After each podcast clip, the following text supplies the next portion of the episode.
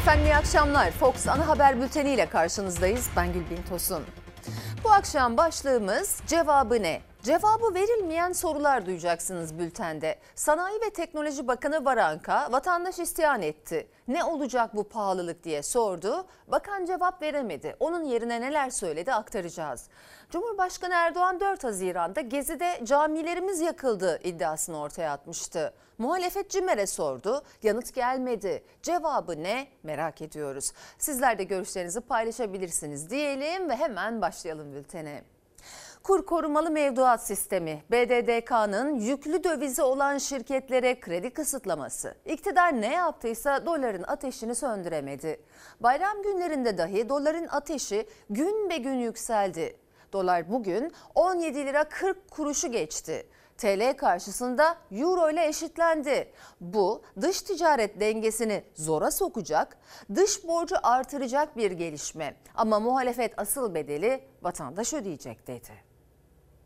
Hani dışa Türk lirası değer kaybedecekti, dışarıdan döviz gelecekti, dış ticaret açığımız kapanacaktı. Türk lirası istikrara kavuşacaktı. Enflasyon düşecekti. Bunların hepsinin tam tersini yaşıyoruz. Cari açık daha fazla arttı, faiz daha fazla arttı, kur daha fazla arttı. Dolar 17 lira 40 kuruşu, euro da 17 lira 44 kuruşu gördü. Döviz kurundaki durdurulamayan yükseliş, euro ve dolar kurundaki eşitlik, TL'nin hızlı değer kaybı, üretim maliyetlerini daha da artıracak, enflasyonu yukarı çekecek, ihracat ihracatçıyı olumsuz etkileyecek, dış borcu ve faiz yükünde katlayacak. Muhalefet iktidarın ekonomi politikalarının bedelini vatandaş ağır ödeyecek dedi. Türkiye tarihinin en yüksek enflasyonlarından bir tanesini yaşıyor. Dolayısıyla iş dikiş tutmuyor. Yani buna ne maaş yetiştirebilirsiniz, hiçbir şeyi yetiştiremezsiniz. Bu açıkçası Türk tipi ekonomi modelin iflasıdır. Döviz kuru şu anda serbest piyasada değil abi. Tamamen hükümetin, Merkez Bankası'nın sürekli manipüle ettiği bir alan. Merkez Bankası hükümetten son dakika talimat ne gelirse onu yapıyor. Talimatların çoğu da yanlış talimatlar oluyor. 20 Aralık 1 milattır. Bireyler dövizlerini patır patır bozduruyorlar. Tarih 20 Aralık 2021. Dolar 18 lirayı aşınca devreye girdi kur korumalı mevduat sistemi. Bir gecede dolar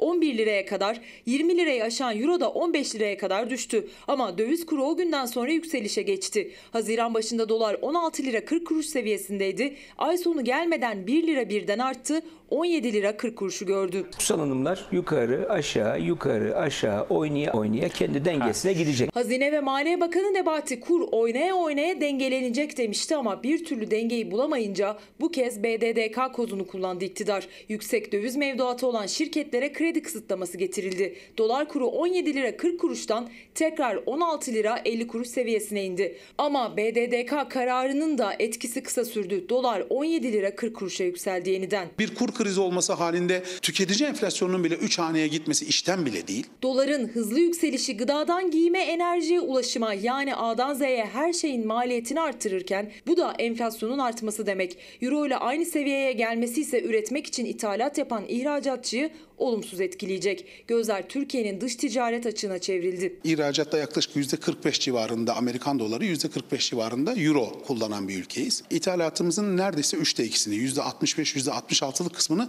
dolar cinsinden yani pahalıya ham madde alıyoruz ama onu maalesef ucuz para cinsinden olan euro cinsinden satmış oluyoruz. Bu da dış ticaret açığının artmasına neden oluyor. Türkiye'nin dış ticaret açığı şu anda rekor kırıyor. %136 arttı. 5 ayda 43 milyar doları aşmış vaziyette. Türkiye'nin dış borcu artarken kur korumalı mevduat nedeniyle hazinenin yani 84 milyonun yükü de artıyor. Kur korumalı mevduatın bize maliyeti yaklaşık 170 milyar lira. 300-500 bin tane mutlu bir avuç zengin ve azınlık buna karşılık 84 milyonun açlıkla imtihan olduğu bir dönemin içerisinden geçiyor. Muhalefet ekonomik dengelerin bozulması sonucunda Türkiye'yi daha zor günlerin beklediğini söyledi. Karamsar tablo çizdi. Türkiye'nin risk priminin 860-870 puanlara çıkması sıradan bir olay değildir. Bu hükümet eliyle Türkiye ağır bir kur krizine, faiz krizine ve belki de çok üzülerek söylüyorum ama bir iflas riskine doğru götürülüyor.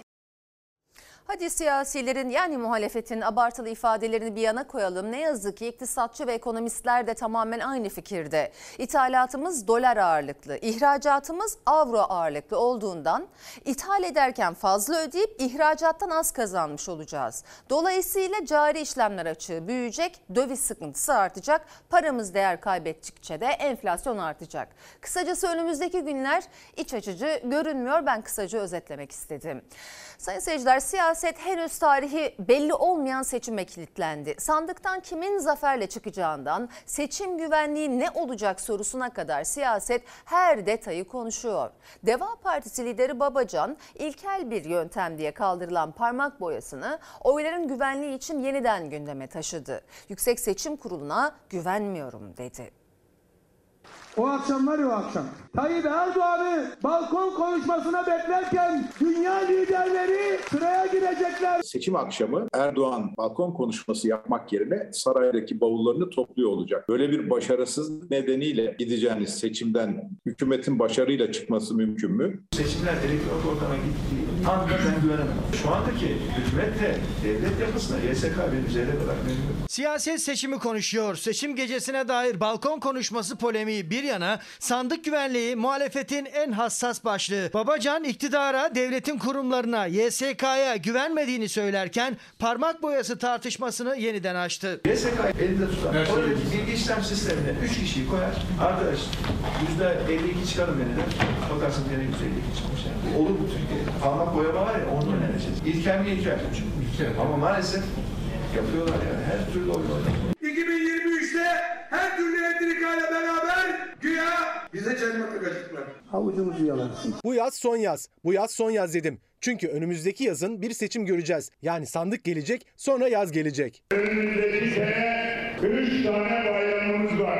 Birinci Ramazan bayramı, üçüncü Kurban bayramı, ikisinin arasında da bir bayram daha var. Cumhurbaşkanımızı rekor bir oyla tekrar başımıza getireceğiz. Seçim güvenliği ve seçim takvimi. Seçimler erkene mi alınacak, zamanında mı yapılacak tartışması da hız kesmeden devam ediyor. Davutoğlu bu yaz son yaz dedi. 2023 Haziran'ını işaret etti. CHP sözcüsü Öztrak ise ekonomik tablo üzerinden erken seçim öngörüsünü dile getirdi. Bugün kur kaç lira dedik? 17 lira 30 kuruş oldu. Yerine doğru dönüyor. Hiçbir şey dikiş tutmuyor. Ben bu hükümetin sonunda mecbur kalıp ben bu işi bırakıyorum deyip sandığı milletin önüne koyacağını yavaş yavaş iyice görmeye başlıyor. İnşallah en erken şekilde belki Kasım'da seçim olsun ve millet artık 84 milyonun kaderi bir kişinin iki dudağı arasında kalmasın. Bu Tayyip Bey'de yazık, Türkiye'de yazık. Davutoğlu'nun kurmayı eski AK Parti İstanbul İl Başkanı Selim Temurci memleketleri Rize'den erken seçim restiyle Erdoğan'a meydan okudu. Muhalefet her fırsatta erken seçim talebini yinelese de aklı seçim güvenliğinde. 2023'te onları sandığa gömmek boynumuzun borcudur. YSK dedi ki mühür olmayan oy pusularını ben sayıyorum. YSK kanun dışında iş yaptı bu memlekette yani. Nasıl güveneceğiz? Muhalefetin güç birliği yaptığı altılı masanın en kritik sorusu nasıl güveneceğiz? Bugünden yarına seçimler için soru da çok senaryoda. Parmak boyasının gündemde tutulması ve geri getirilmesini çok önemli hatta gerekli buluyorum. Muhalefetten, altılı masadan Demokrat Parti önce gündeme getirmişti. Yüksek Seçim Kurulu'nun haberde belirttik 2008'de aldığı kararla çağ dışı olduğu gerekçesiyle kaldırılmıştı.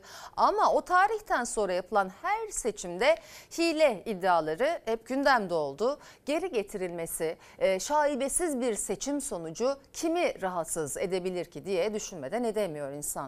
Efendim Sanayi ve Teknoloji Bakanı bayramın 3. gününde AK Parti'nin kalesi ve aynı zamanda memleketi olan Trabzon'daydı. Arkamızda dimdik durun çağrısı yaparken bir vatandaş ekmek 8 lira, unun çuvalı 500 lirayken bu nasıl olacak diye sordu. Haksızlığa uğradığını iddia eden bir başka vatandaş da bakana zor anlar yaşattı.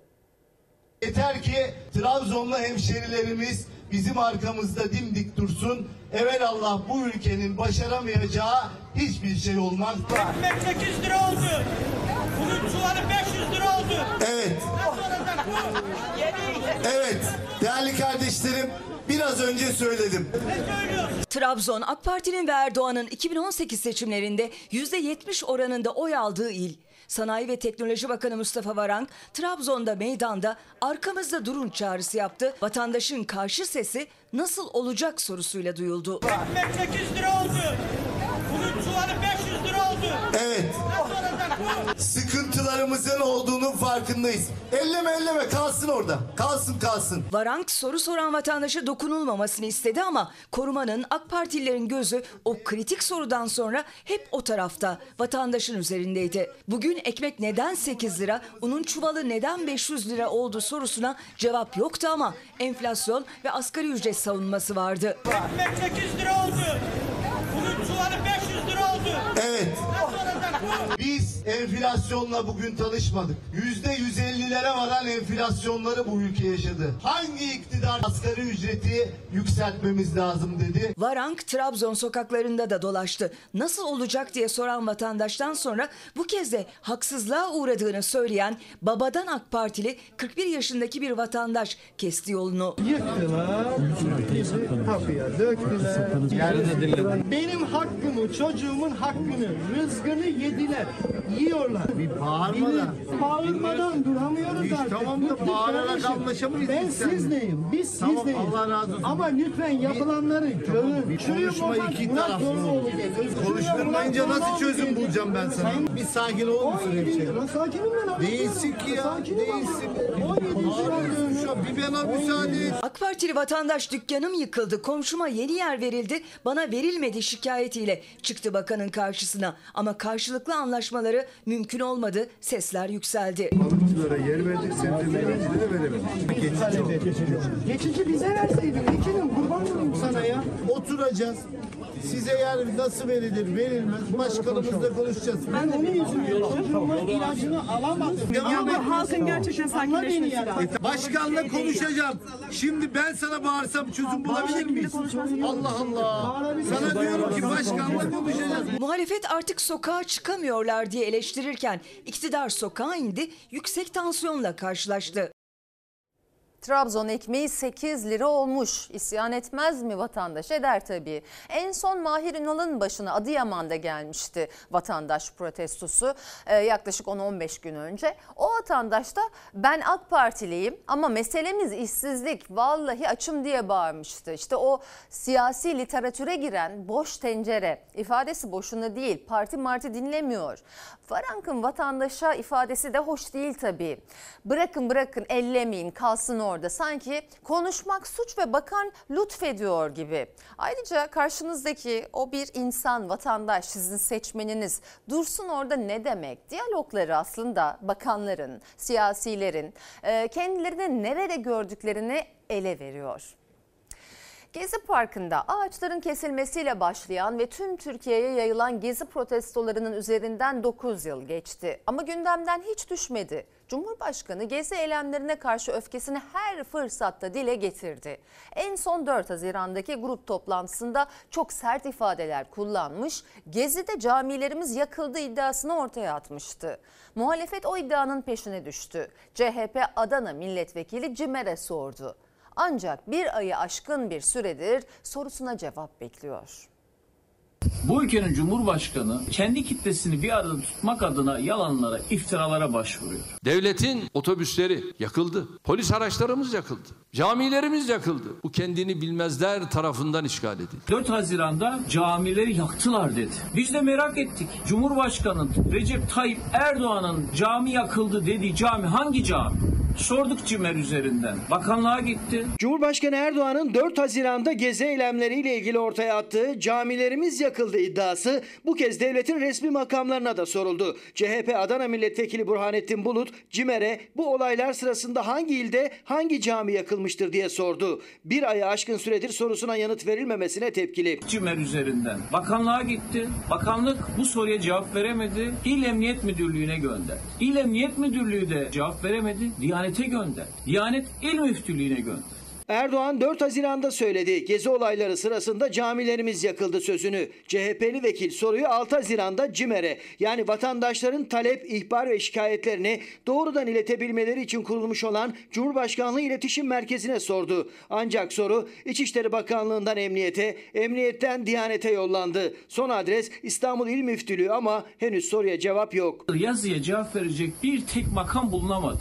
Neden? Çünkü Tayyip Erdoğan yalanını açığa çıkartmak istemediler. Şehir eşkıyalarını, ibadethanelerimizi bira kutularıyla kirleten mülevvesleri bu millet nasıl tarif ediyorsa biz de aynı şekilde tarif ediyoruz. Erdoğan'ın 4 Haziran'daki konuşmasında gezi protestolarına katılanlar için kullandığı ağır ifadelerse günlerce siyasetin gündemini işgal etti. Bunlar böyle. Bunlar çürük, bunlar sürtük. O düzeye eğilmem. Benim halka saygım var. Gezi olaylarında her türlü çirkefliği sergileyenlere hak ettikleri teşhisi koyduk. Biz bugüne kadar hep milletimizin diliyle konuştuk. Hatırlayalım gezi olaylarında camiye ayakkabıyla girdiler. Camide içki içtiler diye günlerce televizyonda konuştu. Ve bu cuma günde videosunu yayınlayacağım dedi. Üzerinden de yıllar geçti. Ancak ne yalanı bitti ne de iftiraları. Muhalefet şimdi devlet kurumlarının vereceği cevapla Cumhurbaşkanı Erdoğan'ın gezi eylemlerinden 9 yıl sonra ortaya attığı camilerimiz yakıldı iddiasının peşinde. Gezi davasından ağırlaştırılmış müebbet hapse mahkum olan iş insanı Osman Kavala ise Avrupa İnsan Hakları Mahkemesi'nin kendisiyle ilgili davadaki son kararı için konuştu. Bu karar mevcut yasaların siyasi sahiplerle keyfi bir biçimde uygulandığını açıkça ortaya koymuştur dedi. Türkiye Osman Kavala hakkında AHİM'in verdiği hak ihlali kararını uygulamıştır. İktidar Osman Kavala davasında ahim kararlarının uygulandığını savunurken Avrupa İnsan Hakları Mahkemesi Türkiye'nin hem ihlal kararını uygulamadığına hem de Türkiye'nin Avrupa İnsan Hakları Sözleşmesi'ni ihlal ettiğine hükmetmişti. Kavala ahim hukuksuz uygulamaların ve yargı süreci üzerindeki siyasi etkilerin hala devam ettiğini hükme bağladı dedi. Birçok mesaj var şu okuyacağım konuyla ilgili birini aktarayım hemen haberine geçeceğiz. Çünkü okumak için binlerce lira vermek istemiyoruz. Eğitim her gencin hakkı. KYK faizleri kaldırılsın demiş bir izleyicimiz.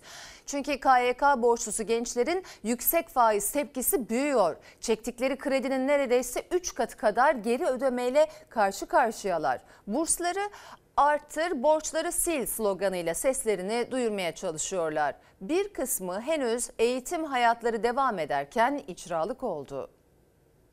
Bizi hatırladınız mı? Biz barınamayanlarız. Ne mi istiyoruz? Bursları arttır, borçları sil. Doktoram bittiği zaman hani faizleri de eklersek herhalde 100-120 bin civarında bir borçla başlayacağız öyle görünüyor. Karşınıza kullandığınız kredinin ne kadar fazlası geldi faizle? İki buçuk kat daha çoğu çıktı. Henüz eğitimleri devam ederken kapılarına icra geldi. Omuzlarına ise faizi, ana parayı da aşan borçlar bindi. Milyonlarca genç faiz faiz yükü altında. KYK borçlusu doktor öğrencisi Mehdi Pekedis de icralık olanlardan. KYK borcundan dolayı icralık oldum yani. Maliyede iki tane dosyam var. Bir tanesi de icralık dosya ve özel bir bankadan kredi aldım. Burslarımız her geçen gün eriyor, yoksullaşıyoruz. Üstelik bu para milyonlarca gence borç olarak veriliyor. Mezun olduğumuzda on binlerce lira borçla baş başa kalıyor. Evlerimize hacizler, varsa 3 kuruş maaşımıza kısıtlamalar koyuluyor. 5 milyondan fazla KYK borçlusu var. Bu borçlulardan 280 binden fazlası ise icraya verildi. Öğrenim için kullandıkları kredi iş hayatına başlamadan haciz memuruyla tanıştırdı öğrencileri. Yüksek KYK faiziyle karşı karşıya kalan milyonlarca gence CHP lideri Kemal Kılıçdaroğlu borçlarınızı ödemeyin diye seslenmişti. Zaten gençlerin de yüksek faizli borçlarını ödeyecek güçleri yok. Gençlere sesleniyorum. Faizli KYK borçlarını ödemeyin. Bir sene içinde iktidara geliyoruz. Sözünü verdiğim gibi sizden sadece ana para talep edilecek. O da iş bulduğunuzda. Ben taksitlendirsem bile 1100 civarı, 1200 civarı sadece lisans kredisi ödemem lazım. O da taksitlendirebilmeniz için zaten borcun %40'ını ödemem lazım ki maliyede herhangi bir şey işlem yapıla, yapabilelim yani. Yoksa o haciz de kalkmıyor. Ödeyebilecek misiniz peki? Şu anda ödeyebilecek durumda değilim. İbrahim Demiryürek'in 26.910 liralık çektiği KYK kredisinin geri ödemesi faiziyle birlikte 74.288 liraya yükseldi. Mezun olduktan sonra da iş bulmakta zorluk çektiği için gençler borç katlanıyor. Türkiye'de faiz üfe üzerinden hesaplanırken Almanya'da öğrencilere kredi faizsiz veriliyor. Öğrenim kredisini ödemediği dönemde faiz işleniyor mu üstüne? Hayır hayır öğrenim kredisi faizsiz. Ailenin gelirine bağlı olarak hesaplanıyor. 800 euroya kadar e, öğrenim e, kredisi alabiliyor gençler. Almanya'da üniversitelilerin ailelerinin gelirine göre kredi imkanı sağlanıyor. Mezun olduğunda işe başlayana kadar geri ödemek zorunda kalmıyor gençler. İşe başladığındaysa 30 ile 40 euro arasında maaştan kesinti yapılıyor. Bugün bir öğrencinin aldığı Bursa'da kredi 850 lira. Bu miktar asgari ücretin 5'te biri ediyor. 2014'te ise bu oran asgari ücretin 3'te biri düzeyindeydi. Eğitim yılının başında barınmak için yurt ve ev bulamayan gençler birleşip barınamıyoruz hareketi kurmuştu. O gençler ödenemeyen KYK borçları nedeniyle yeniden seslerini duyurmaya çalışıyor. Bursları arttır, borçları sil sloganıyla. Şimdi milyonlarca genç için tekrar harekete geçiyoruz. Kursları arttır, borçları sil.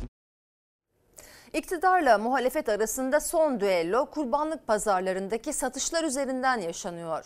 AK Parti Tekirdağ Milletvekili kendi seçim bölgesi Tekirdağ'dan örnek vermiş, kurbanlıkların tamamının satıldığını söylemişti. Bayramın son günü yine bir Tekirdağ milletvekili CHP'li İlhami Özcan Aygün Tekirdağ'da satıcıları gezdi. Ankara'da söylenenle Tekirdağ'daki görüntü birbirini tutmadı.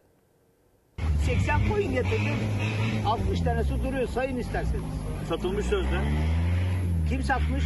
Kim gelmiş de görmüş? Memnunmuş üretici. Kim diyor? Hayvan pazarına gittiğimizde bütün e, satıcılar bekliyordu ne yazık ki. Bu sene tam tersi keşke daha fazla olsaydı elimizde de daha çok satardık. Gerçekten. Evet. Ve milletvekilleri kimse gelen yok. Kimse üreticinin halini soran yok. AK Parti'nin Tekirdağ Milletvekili Mustafa Yel bu yıl kurbanlık satışlarının iyi olduğunu söyledi Ankara'dan. Seçim bölgesi Tekirdağ örnek vererek. İddiasına cevap Tekirdağlı satıcılardan geldi. Geçen sene iki buçuk liraya verdim. Şimdi? Bu sene iki liraya koç veriyorum. Ya dımızlıkları satıyorum bırakıyorum bu işi. Büyük başlarda bu sene satılmadı gibi bir şey ya. Geçen sene 100 tane satan adam bu sene 20 tane sattı. Malımızı satamadık. Olduğu gibi duruyor mallarımız. Kaç tane getirmiştin? 45 tane. Ne kaldı? 12 tane. Nasıl durumlar? Vahim.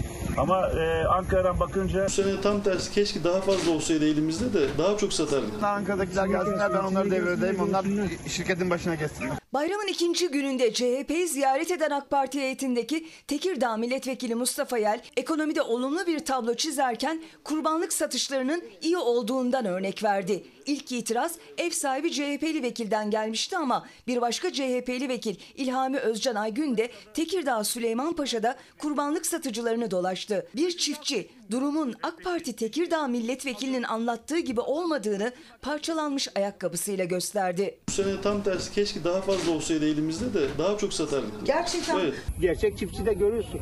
Perişan. Vatandaş görsün bak nasıl bekliyoruz buralarda bak. Çek. Ha bekler miyim ben oğlum kazansam buralarda? Fahiş kira artışlarına çözüm için adımlar atılmıştı hatırlarsınız ama görünen o ki işe yaramadı. Kira artışı hız kesmeden devam ediyor. İstanbul Kadıköy'de ortalama kira bedeli 19.438 liraya çıktı. Efendim Kadıköy'de oturuyor musunuz, gezmeye mi geldiniz? Gezmeye geldik canım. Peki burada yaşayabilir misiniz? Hayır canım neyle yaşayayım ben burada? Hangi parayla yaşayalım? Bizim aldığımız askeri ücretle burada 19 milyona oturmak mümkün mü sence? Nerede oturabilirsiniz asgari ücretle? Vallahi askeri ücretle hiçbir yerde oturulmaz. Sadece asgari ücret değil artık asgari ücretin çok daha üzerinde maaş alanlar bile İstanbul'da barınma sorunu yaşıyor. Kiralık daire fiyatları öyle arttı ki örneğin Kadıköy'de ortalama bir ev kirası 20 bin liraya dayandı. Maaşınız kiranızı ödemeye yetiyor mu? Yetmiyor, yetmiyor. Bak ne diyorum? Kira 6 milyar diyorlar. Benim maaşım 3,5 oldu olacak daha almadık. Peki bu 3,5'ı kiraya mı vereyim? Hadi kirayı da karşılamıyor. Ne yiyip içeceğim? Bu yaşta ne yapabilirim? Çalışabilir miyim? 60 yaşındayım. Askeri ücret de 10 milyarda olsa yine de yetersiz. Çünkü kiralar çok pahalandırdılar. Kadıköy Geçinemiyoruz platformunun araştırması da aynı sonucu ortaya koydu. Kiralık ev ilanlarının ortalaması Nisan'da 12 bin liranın altındaydı. Mayıs'ta 19 bin lirayı geçti. Artış yasal önlemlere rağmen Haziran'da da sürdü. Ortalama kira 19.438 liraya yükseldi. Nasıl ödenecek ki o yani imkansız bir şey. Biz Almanya'dan geliyoruz. Burada da her şey çok pahalı. Siz Almanya'dan, Almanya'dan geliyoruz bize. Türkiye pahalı diyorsunuz. Evet Türkiye çok pahalı. Yani bize göre Euro ile kazanıyor. Evet aynen öyle. Euro Da TL ile harcıyor. Aynen yine de çok pahalı. Almanya'da kiralar ne kadar? 600-700 euro 3 odalı. 4 odalı olursa 9000 oraya yakın. Yani Almanya'da standart her zaman her gün zam gelmiyor yani. Her zaman Asgari ücret ne kadar? 1200 eurodan başlıyor. Eğer senin kazancın azsa devlet yardım ediyor.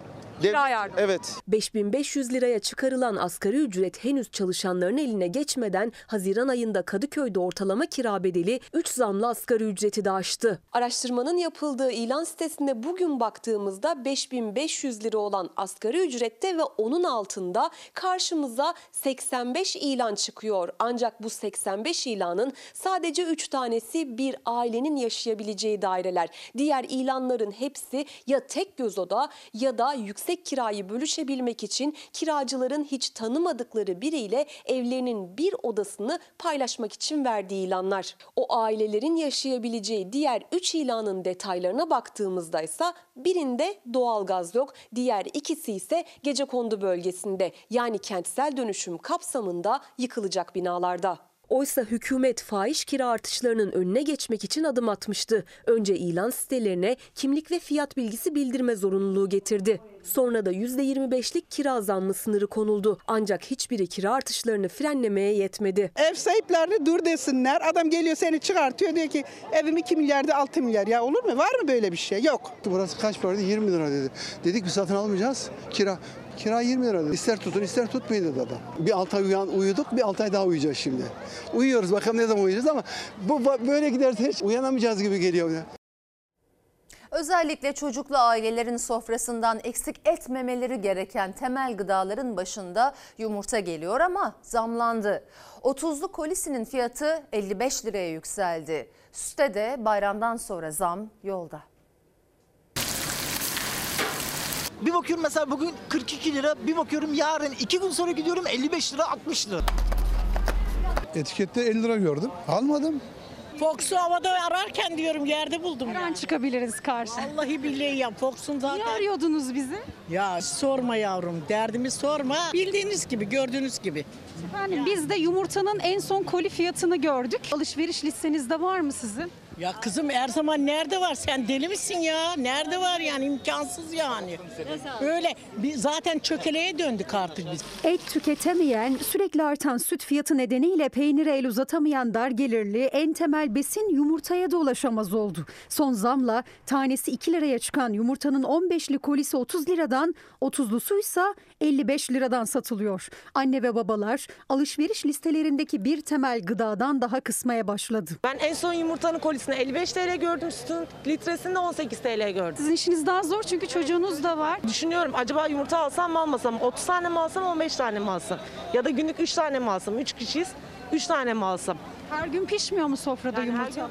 Yok pişmiyor. Özellikle çocuklu ailelerin mutlaka tüketmesi gereken ilk 3 temel gıda. Tabii ki yoğurt, süt, yumurta. Yoğurt, peynir, yumurta. Et, süt ve yumurta ama aynı zamanda bu üç temel gıda arka arkaya gelen zamlarla artık alımı da iyice zorlaştı. E zaten bayramdan bayrama dar gelirlinin sofrasına uğruyordu. Şimdi yumurtada son gelen zamla özellikle raftaki etiketiyle şaşırtıyor. Yani bakarak kalıyoruz yani yiyemiyoruz bile her zaman yiyemiyoruz yani. Önceden bir kol alıyorduk şimdi 15 tane alıyoruz. Yani her daim büyük koli yumurta almıyoruz tabii ki. Küçüğünü alıyoruz ya da tekleme alıyorum yani. Türkiye İstatistik Kurumu her ay madde madde açıkladığı sepetteki fiyat değişimlerini artık açıklamıyor. En son Nisan ayında yumurtanın adet fiyatını 1 lira 61 kuruş olarak açıklamıştı. Geçen yaz 1 liranın altında olan yumurta 2 lira oldu. Ham madde, ham madde, ham madde. Bizim yem fiyatımız ne kadar yüksek olursa yumurta fiyatımız o paralelde yükseliyor. Asgari ücrete zam gelmeden önce 30'lu yumurtanın koli fiyatının 40 lira olduğunu görüntülemiştik. Şimdi o yumurtanın fiyatı 50 liranın üzerine çıktı ki bu da en az %25 zam demek. Oysa geçtiğimiz haftalarda yumurta üreticisi uyarmıştı ama kimse o sesi duymadı. İşte o ses şimdi etiketlerde karşılığını buluyor. Yazık günah ya. Yazık günah. Biz de halkız, biz de milletiz yani. Oğlum süt içiyor, çok seviyor, sütü de çok seviyor. Eskiden ben Kiloyla alıyordum, açık süt alıyordum kaynatıp. Onu bile alamıyorum artık, bitti. 1 Nisan itibariyle litresi 5 lira 70 kuruş olarak ilan edilen maliyet artışı nedeniyle 15 Mayıs'ta bir kez daha zamlanarak 7,5 lira olan çiğ süt fiyatının en az 9 lira olması istendi. Zararına satış yapan süt üreticisinin talebi onaylanırsa süt ürünleri de zamlanmaya devam edecek. Az önce dondurma aldık. Topun 20 TL. İki çocuk 40 TL oluyor. İki kere düşünüyor insan hani alalım mı almayalım mı diye. Dondurmayı bile. Evet dondurmayı bile. CHP'li Ömer Fethi Gürer, Niğde'de patates üreticisini dinledi. Üretici maliyetlerden dertli ama bu yıl iklim değişikliği ve yağışlar nedeniyle üretimde az. Patatesin kilosu 12 lirayı buldu. Et, süt, meyve, sebzeye ulaşmakta zorlanan dar gelirli için patates almak da lüks oldu. Patatesin fiyatına hiç dikkat ettiniz mi? Benim kızım alışveriş yapıyor. Kilosu 11 lira 90 kuruş. Patatesi Allah iyi yapsın. Allah iyi yapsın. Hadi meyveler 40 lira, 50 lira, 30 lira alamıyoruz ya da az alıyoruz. Ama patates hakeza fakirlerin yemeğidir. Haşlarsın, kızartırsın. Onun bu kadar artması iyi değil. Ben iki tane, bir tane alıyorum. Taneyle mi alıyorsunuz patates? Taneyle alıyorum. Benim eşim öldü. Yetim maaş alıyorsun iki buçuk milyar. Yani bu vicdansızlık ya. Dar gelirli kilosu 12 lira olan patatesi taneyle alıyor. Çiftçi ise masraflar iklim değişikliği derken bittik diyor. Çiftçi bitti iyice. Çiftçi mağdur. Alnımızı terimin kazancını alamadıktan sonra neye mücadele verecek? Ülkede üretilen bir şeyin fiyatı 12 lira oluyorsa buna ne demek gerekiyor? Şehirdeki insanlar diyorlar ki patates çok pahalandı. Patates çok pahalanmadı. Maliyetler o kadar arttı ki patates üreticisinin sayısı azalıyor. Çiftçi perişan. Daha bunlar iyi günlerimizi. Bunu anlatılacak söz bulamaz ki insan yani. Tüketicinin sözleri tükendi, üreticinin ise anlatacak derdi çok. CHP'li Ömer Fethi Gürer patates üretiminin en yüksek olduğu bölgelerden Niğde'de dinledi çiftçiyi. Çiftçi bu yıl üretim maliyetleri bir yana bir de yağış vurdu. 120-130 bin lira gibi masraf yaptık. Sonra çürüdü. Tuttuk bir daha masraf ettik. Yani bize buraya 200 bin liraya mal oldu. Zararımız. Ve 5 tonu da geçmez burası. Oysa eskiden 8-10 bin ton arası patates alıyordu ekiminden çiftçi. 5 bin tona düştü. Üretim azaldı ama maliyetleri katlandı. Peki gübre atabildiniz mi? İkinciye gübre atmadık. Vekilim gübreyi nereden atalım? Zaten biri zor canım için. Gördüğünüz elimdeki eldiven 25 TL aldım. İşçi eldiveni 25 TL'ye aldım şunu. Su paraları 200 milyon lira saati. Elektriği de arttı. Geçen senenin iki katı. Yani mazot her şey bilimizi büküyor yani. Kilo başına üretim maliyeti 4 lira patatesin. Tarlada daha işçi girmeden 4 lira maliyeti var. Bir de işçi girecek. Daha Buradan bunun- nakliye olacak 5-5,5 lirayı buluyor. 5-5,5 lira masrafı yani. Son dönemlerde patateste yaşanan sorunlar patates fiyatlarının artmasına neden oldu. Çiftçiye tüm masraflarıyla 5,5 liraya mal olan patatese nakliye yani mazot masrafı da eklenince tezgahta fiyatı 12 lirayı buldu. Ama girdi maliyetleri dövizle olunca dolar artmaya devam ederse belli ki eskiden hemen her sofraya kolaylıkla gelen patatese de ulaşmak zorlaşacak. Olan yine en çok dar gelirli olacak. Yandık yandık. Döviz aldı başını gitti. Bütün insanların alım gücü düştü ama niyesine artık bazıları cevap versin. Biz değil. Savaş Bey diyor ki insanlarımız mutlu değil. Bunun cevabı ne? Diyorum ki şiddet arttı, geçim derdi arttı, çiftçi battı, öğrenciler KYK borcu, öğrencilerin KYK borcu milyar oldu. EYT ailesi perişan, her şeye zam. Bu sistem kutuplaşmadan başka hiçbir işe yaramadı demiş. Efendim Adana'da 50 kişilik grubun hastane baskını sonrası başhekimlikten baskın şeklinde tanımlamak doğru değil açıklaması gelmişti. Oysa acil serviste camlar kırıldı, doktorlar canlarıyla tehdit edildi. O gece yaşananlar sağlık çalışanlarının tutanağına da yansıdı. Diyelim ki baskın yapmadılar. Peki ne yaptılar bu insanlar? Oradaki camı çerçeveyi kırmadılar mı? Gül atarak mı kırdılar camı çerçeveyi? Acil servisin basılması şeklinde tanımlanması doğru değildir. Giderken döneceğiz ve hepinizi öldüreceğiz diye tehdit ediliyor. 50 kişilik bir grup. Baskın değil de nedir bu? Adana'da 50 kişilik grubun acil servise saldırısı sonrası başhekimlikten baskın şeklinde tanımlanması doğru değil açıklaması geldi. Olayı duyar duymaz hastaneye giden Adana Tabip Odası Başkanı o açıklamaya tepki gösterdi. Sağlık çalışanları ise yaşadıkları dehşet anlarını başhekimliğe gönderdikleri tutanakla anlattı. Arbede esnasında bazılarının silahlı olduğunu gördüğümüz, kapılara, pencerelere vuran onlarca hasta yakınından can güvenliğimizi korumak için saklanmamız sebebiyle acil serviste işleyiş durmuştur. 50 kişilik grup acil içerisine girince hekim ve sağlık çalışanları kendilerini koşuşarak odalara kilitliyorlar. Trafik kazası sonrası Adana Çukurova Devlet Hastanesi'ne gelen yaralı yakınları kayıt sırasında acil servisi birbirine kattı. Sağlık çalışanlarını ölümle tehdit eden 50 kişilik grup hastaneye de zarar vermeye başlayınca doktorlar ve hemşireler kendilerini odaya kilitleyerek canlarını korudu. Hastane acili önünde o doktorlar ne de olsa çıkacak. Vuracağım onları denildiği duyulmuştur. Hastanın çok sayıda yakını hastaneye gelmiş, üzücü olaylar yaşanmıştır. Fakat bunun acil servisin basılması şeklinde tanımlanması doğru değildir. 50 kişinin hastaneye gelmesi, camların kırılması, doktorların tehdit edilmesi başhekimliğe göre baskın değildi. Sağlık çalışanları korkudan beyaz kod veremedi. İsimlerini de gizleyerek başhekimliğe neler yaşandığını yazdılar. Adli süreçte ismimizi öğrenmelerinden korktuğumuz için bireysel şikayetçi olamıyor, beyaz kod veremiyoruz. Beyaz kod verildiğinde karakola gidiyoruz. Karakolda bu insanlarla aynı koridorda tutuluyoruz. Sonuç olarak da bir şey çıkmıyor. Bizden önce acillere yeniden dönüyorlar. Tutanaklara da yansıyan baskından sonra tek kişi gözaltına alındı. AS tehdit ve kamu malına zarar verme suçlarından tutuklandı. Başhekimliktense yeni bir açıklama yok. Baskın değildir diyerek biz neyi aklamaya çalışıyoruz? Sağlıkta şiddet diye bir kavram vardır ve bunu görmezlikten gelerek bu iş çözülemez. Dün de ifade etmeye çalıştım. Esas baskın dememek, şiddeti masumlaştırmaktır, meşrulaştırmaya götürür. Eski Aile Hekimleri Başkanı Yusuf Eryazgan'la konuştum. Son olarak Sakarya'da bir ortopedi hekimi Alo 184'e şikayet edildikten sonraki süreci anlattı. Meğer Sağlık Bakanlığı'nın bu hattına son yıllarda yapılan her tehdit sonrası doktorlar bakanlık tarafından telefonla aranıyor ve kendini koru deniyormuş. Oysa Türk Ceza Kanunu'nda ilgili maddeler var. Suçu bildirmeme suçu. Bir kişiye suç unsuru oluşma ihtimali ihbar edildiğinde emniyet veya savcılığa bildirmesi zorunluluğu var. Demek ki aksayan bir mekanizma orada da var. Ee, sırası gelmişken Sağlık Bakanı'nın hastanelere X-ray cihazı konulması ile ilgili Fatih Altaylı'ya verdiği cevabı okuyunca şaşırdım. Onu da aktarmak istiyorum. Meğer bakan 4 ay önce X-ray cihazının tüm hastanelere konması için talimat vermiş. Ama diyor ki devlette süreçler var. İhaleye çıkılacak bugün söyleyelim yarın tamamlansın olamıyor ne yazık ki. Ben de o ne ki dedim içimden ihalesiz bile olabildiğini görevden affı istettirilen, istettirilen Tarım Bakanı Pakdemirli bizzat ifade etmişti zamanında. Dün de aktardık Danıştay iptal kararına rağmen aynı yöntemle aynı şirkete verilen yol yapımı ihalesi ve CHP'nin iddiasına göre 134 tanesi daha. Hükümetin en kolay yaptığı iş ihaleye gitmiş gibi yapıp işi halletmek gibi iddialara bakarsak. Sayın seyirciler koronavirüsle devam edeceğiz. Yeni bir dalganın içindeyiz ama salgında son durumu bilemiyoruz. Çünkü hala Sağlık Bakanlığı haftalık vaka tablosunu açıklamadı.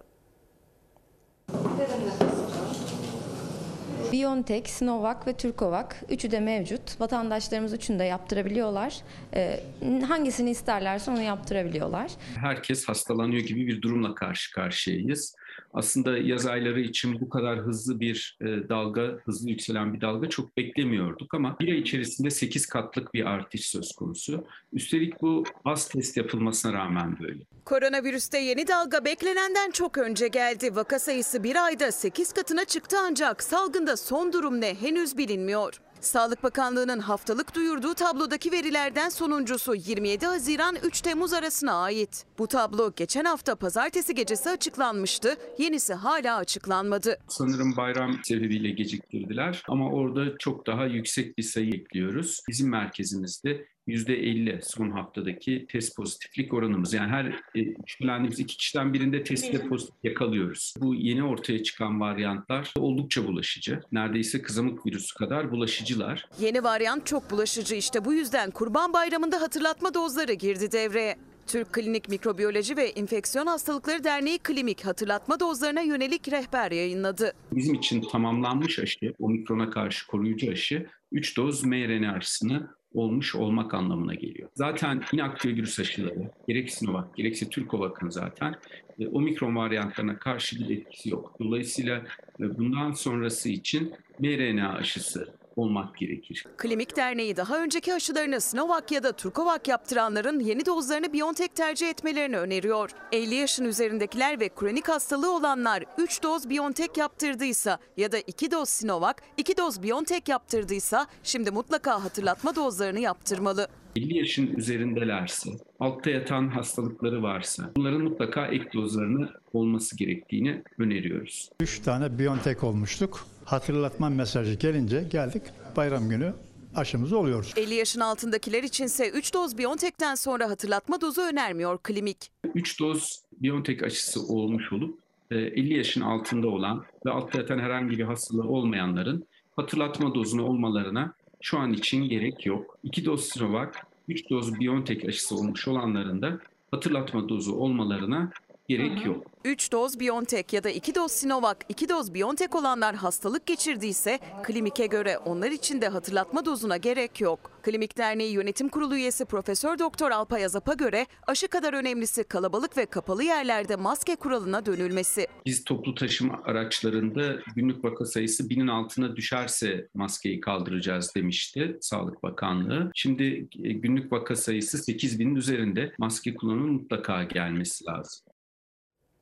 Giresun'da aynı bölgede kurulan 4 hidroelektrik santralinin yanına 5. ve en büyüğü kurulmak isteniyor. O 4 santralin çevrelerine ve yaşamlarına verdiği etkiyi gören Giresun halkı bayram demeden, yağmur demeden bir araya gelerek HES projesini protesto etti. Nazlı Yere Basmaz ve kameraman Çağlar Güner hem yüzlerce kişinin katıldığı o eylemi hem de kullanım hakkı özel şirketlere devredilen derelerin son halini görüntüledi. Hayırdır niye soyundunuz?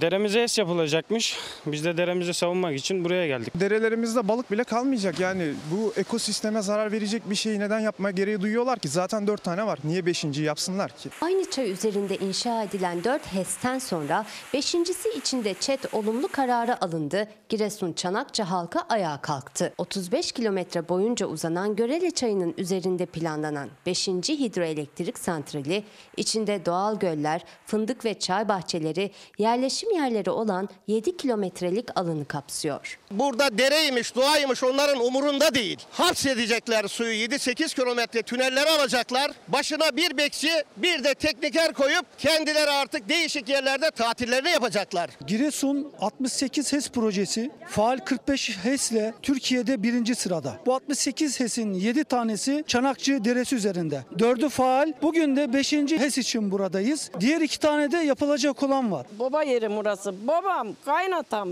dedelerim bize emanet bıraktı. Şimdi bu saatten sonra biz nasıl emanetimizi hiyanet edip de bu çocuklarımıza ne bırakıp da gideceğiz? Genci yaşlısı Görele Çayı'nın kenarında HES'e karşı ses yükseltti.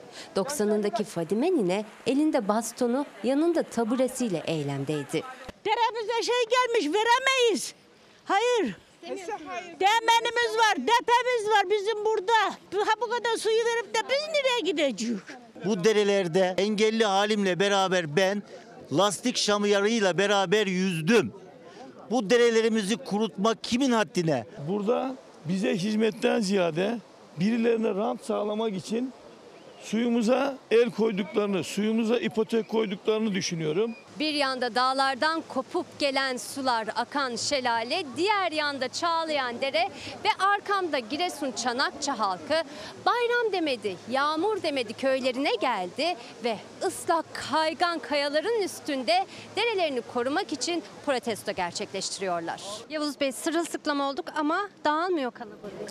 Çünkü tecrübelerle beraber, yaşanmış olaylarla beraber gelecekte başına gelecek durumların e, vatandaş farkında. Daha çok kalabalık olurdu. İnsanlar korkuyorlar, ürküyorlar. Yanımızda Neden olmadı. korkuyorlar? Siyasetten korkuyorlar. Başka korktukları bir şey yok. Çocuklarımız işten atılır, işe gidemez. Burada şu anda siyaset insanları işle tehdit ediyor, açla tehdit ediyor. Bölge halkının Çanakçı Deresi olarak andığı Görele Çayı'nın buz gibi suyu gürül gürül akıyor. Bölgede 4 HES daha var ve o HES'lerin kurulduğu alanlardaki derelerin suyu kurumaya yüz tutmuş durumda. Çanakçılılar bu derede aynı kaderi yaşar endişesi taşıyor. Dün hatta yaylaları dolaşmaya gittiğimizde oraları da gördük.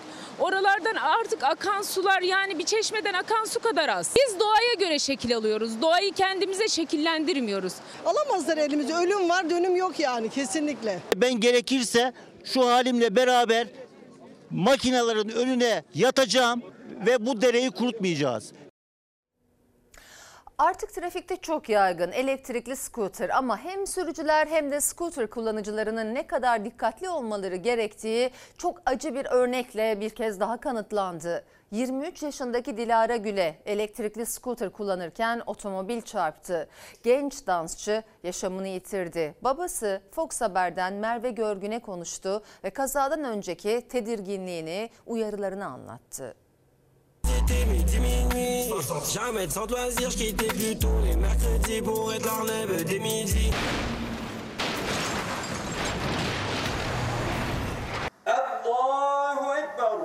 Skuter denilen aletlerle giderken aracın bir tanesi vuruyor. Bitti. Yani şimdi Dilara yok. O kaza 23 yaşındaki dansçı Dilara Gül'ü hayattan kopardı. Eve hızlıca ulaşmak için bindiği skutura arkadan gelen araç çarptı. Skuter bir yana, genç dansçı bir yana savruldu. Gürültü patırtı oldu. Gittik baktık ki şeye çarpmış. Sonra biz ana bayan yerde yatıyordu. Ambulans çağırdılar, polis çağırdılar. Geç geldi. Bir buçuk ay sonra Amerika'ya gidecekti. Burs almıştı dans üzerine. Onların hazırlıkları yapıldı gitti. Keyfine giden bir sürücünün şeyine kurban oldu yani. Tüm hayalleri yarım kaldı 23 yaşındaki Dilara Gül'ün. Burs aldı. Bir buçuk ay sonra Amerika'ya gidecekti. İstanbul Şişli'de tutkunu olduğu dans provasından dönüyordu. İddiaya göre hızla ilerleyen otomobil genç kızı fark etmedi, skutura çarptı. Dilara Gül yaşamını yitirdi.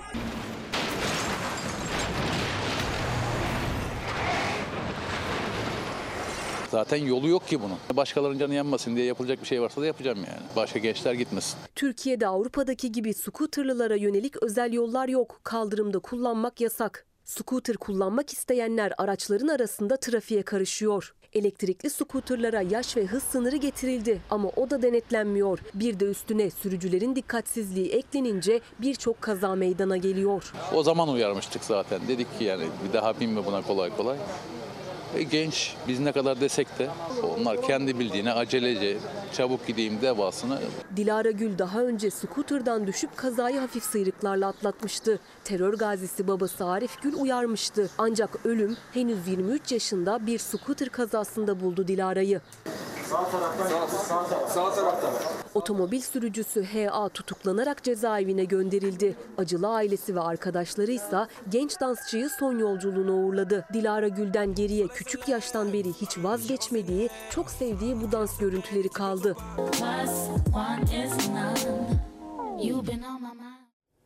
Şimdi ara zamanı. Efendim Fox Ana Haber Bülteni'ne burada noktalıyoruz. Fox'ta yayın dizimiz Senden Daha Güzel'le devam edecek. İyi bir akşam geçirmenizi diliyoruz. Hoşçakalın. Dostuma her köşesi cennetin ezilir yerler için